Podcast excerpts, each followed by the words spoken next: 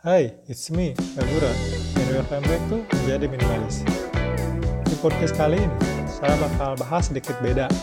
Kalau biasanya tuh saya bahas tentang minimalis, minimalis, minimalis, saya bakal bahas perbandingan antara minimalis dan maksimalis. Jadi sebenarnya lifestyle itu nggak cuma minimalis, tapi juga ada maksimalis dan masih banyak juga orang yang menerapkan gaya maksimalis ini. Sebenarnya tidak ada yang paling bagus itu yang mana, cuma mana yang paling cocok. Nah kira-kira apa sih perbedaan antara maksimalis dan minimalis itu sendiri? Seperti yang udah saya bilang, kalau minimalis itu tidak selalu menjadi lifestyle yang paling cocok bagi seseorang. Karena gitu ya, beberapa orang nih bahkan suka nih kalau ia memiliki banyak barang, memiliki banyak koleksi, memenuhi rumahnya dengan barang-barang antik, dan lain-lain. Kalau kamu tipe itu, berarti bisa jadi kamu adalah seorang maksimalis. Beda gitu ya, kalau misalkan minimalis kan biasanya tuh owning less gitu, nggak terlalu banyak barang di rumahnya tuh. Nah kalau ini misalkan teman-teman suka banget dengan koleksi barang-barang misalnya barang antik gitu ya.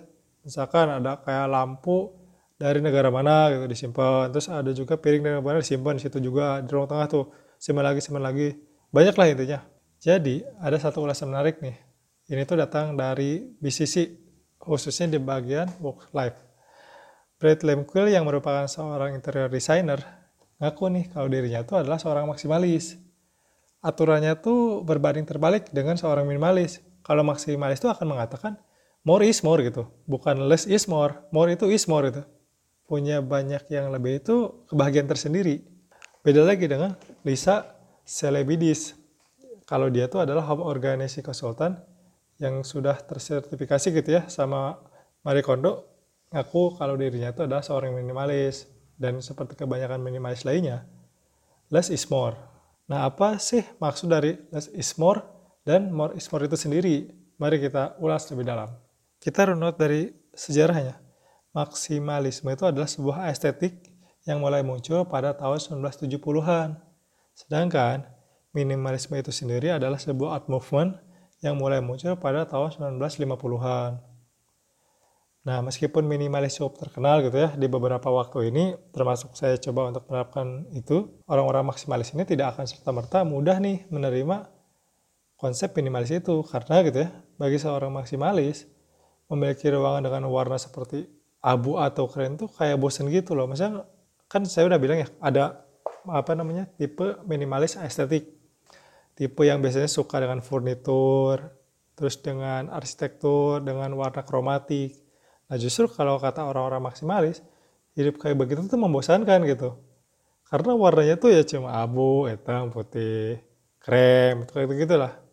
Justru mereka tuh lebih suka dengan warna-warna yang ngejreng gitu, kayak misalnya merah, kuning, atau warna-warna lain. Pokoknya nggak abu deh, abu tuh soalnya jatuhnya tuh kayak semacam apa ya. Ya bosen gitu, ngebosenin, itu kata orang maksimalis barang-barang unik nih biasanya tuh yang memenuhi ruangannya. Jadi warnanya tuh biasanya menyala-nyala lah.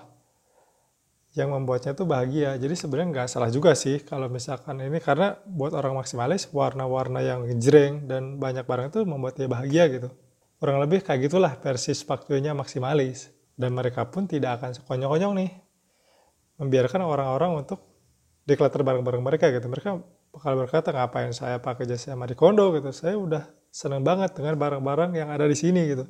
Saya nggak perlu mengurangi barang, apalagi membuang barang.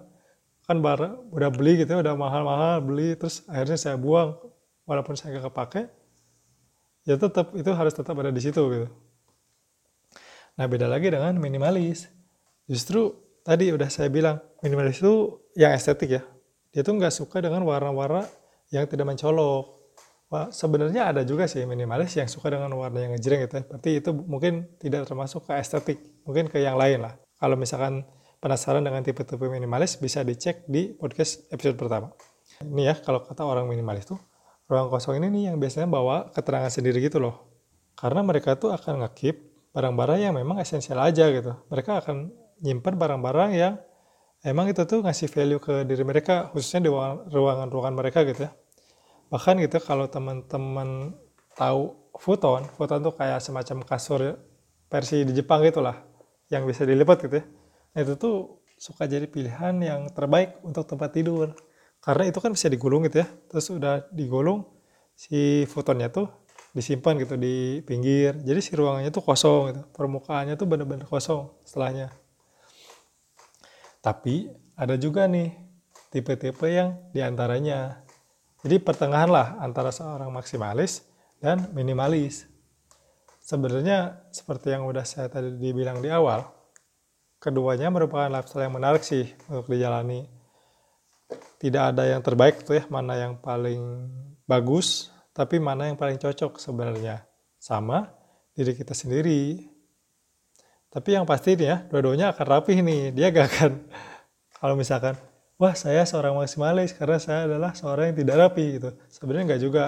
Itu ya kalau tidak rapi ya tidak rapi aja gitu. Maksimalis kan gak kayak gitu. Jadi udah mulai kebayang lah ya, apa bedanya maksimalis dan minimalis. Sebenarnya ini tuh bisa jadi riset lanjutan kalau misalkan teman-teman ada yang tertarik dengan pembahasan lifestyle ini karena seperti yang kita tahu gitu ya maksimalis dan minimalis setiap orang tuh punya level masing-masing gitu mungkin gitu ya kalau misalkan kita buat riset terkait dengan ini kita bisa nge-define nih. Misalkan gitu ya level maksimalis itu ada level 1, 2 sampai nomor sekian gitu. Level minimalis juga sekian. Dengan karakter tertentu ternyata kita tuh masuknya ke level nomor misalkan gitu ya nomor 2 gitu. Atau misalkan kita adalah orang yang minimalis ekstrim gitu atau maksimalis ekstrim kayak begitu. Ini menarik sih kalau misalkan teman-teman pengen apa istilahnya membawa tema ini menjadi topik skripsi atau tesis kayak gitulah. Sekian dulu pembahasan terkait dengan perbedaan antara maksimalis minimalis. Sekian dulu pembahasan terkait dengan topik minimalis dan maksimalis ini. Semoga ini bisa memberikan sedikit gambaran terkait dengan perbedaan dua itu. Selebihnya bisa dicek di internet gitu ya, teman-teman bisa cek di referensi-referensi terpercaya apa perbedaan lebih dari kedua ini. Tapi dari saya itu itu dulu. Selamat menjalankan hidup minimalis gitu ya, karena saya seorang minimalis itu dan teman-teman untuk yang seorang maksimalis pun selamat menjalankan kehidupan maksimalis. Tidak apa-apa, kita beda di situ, tapi kita tetap rapi gitu ya. Tetap semangat, salam minimalis dan salam maksimalis.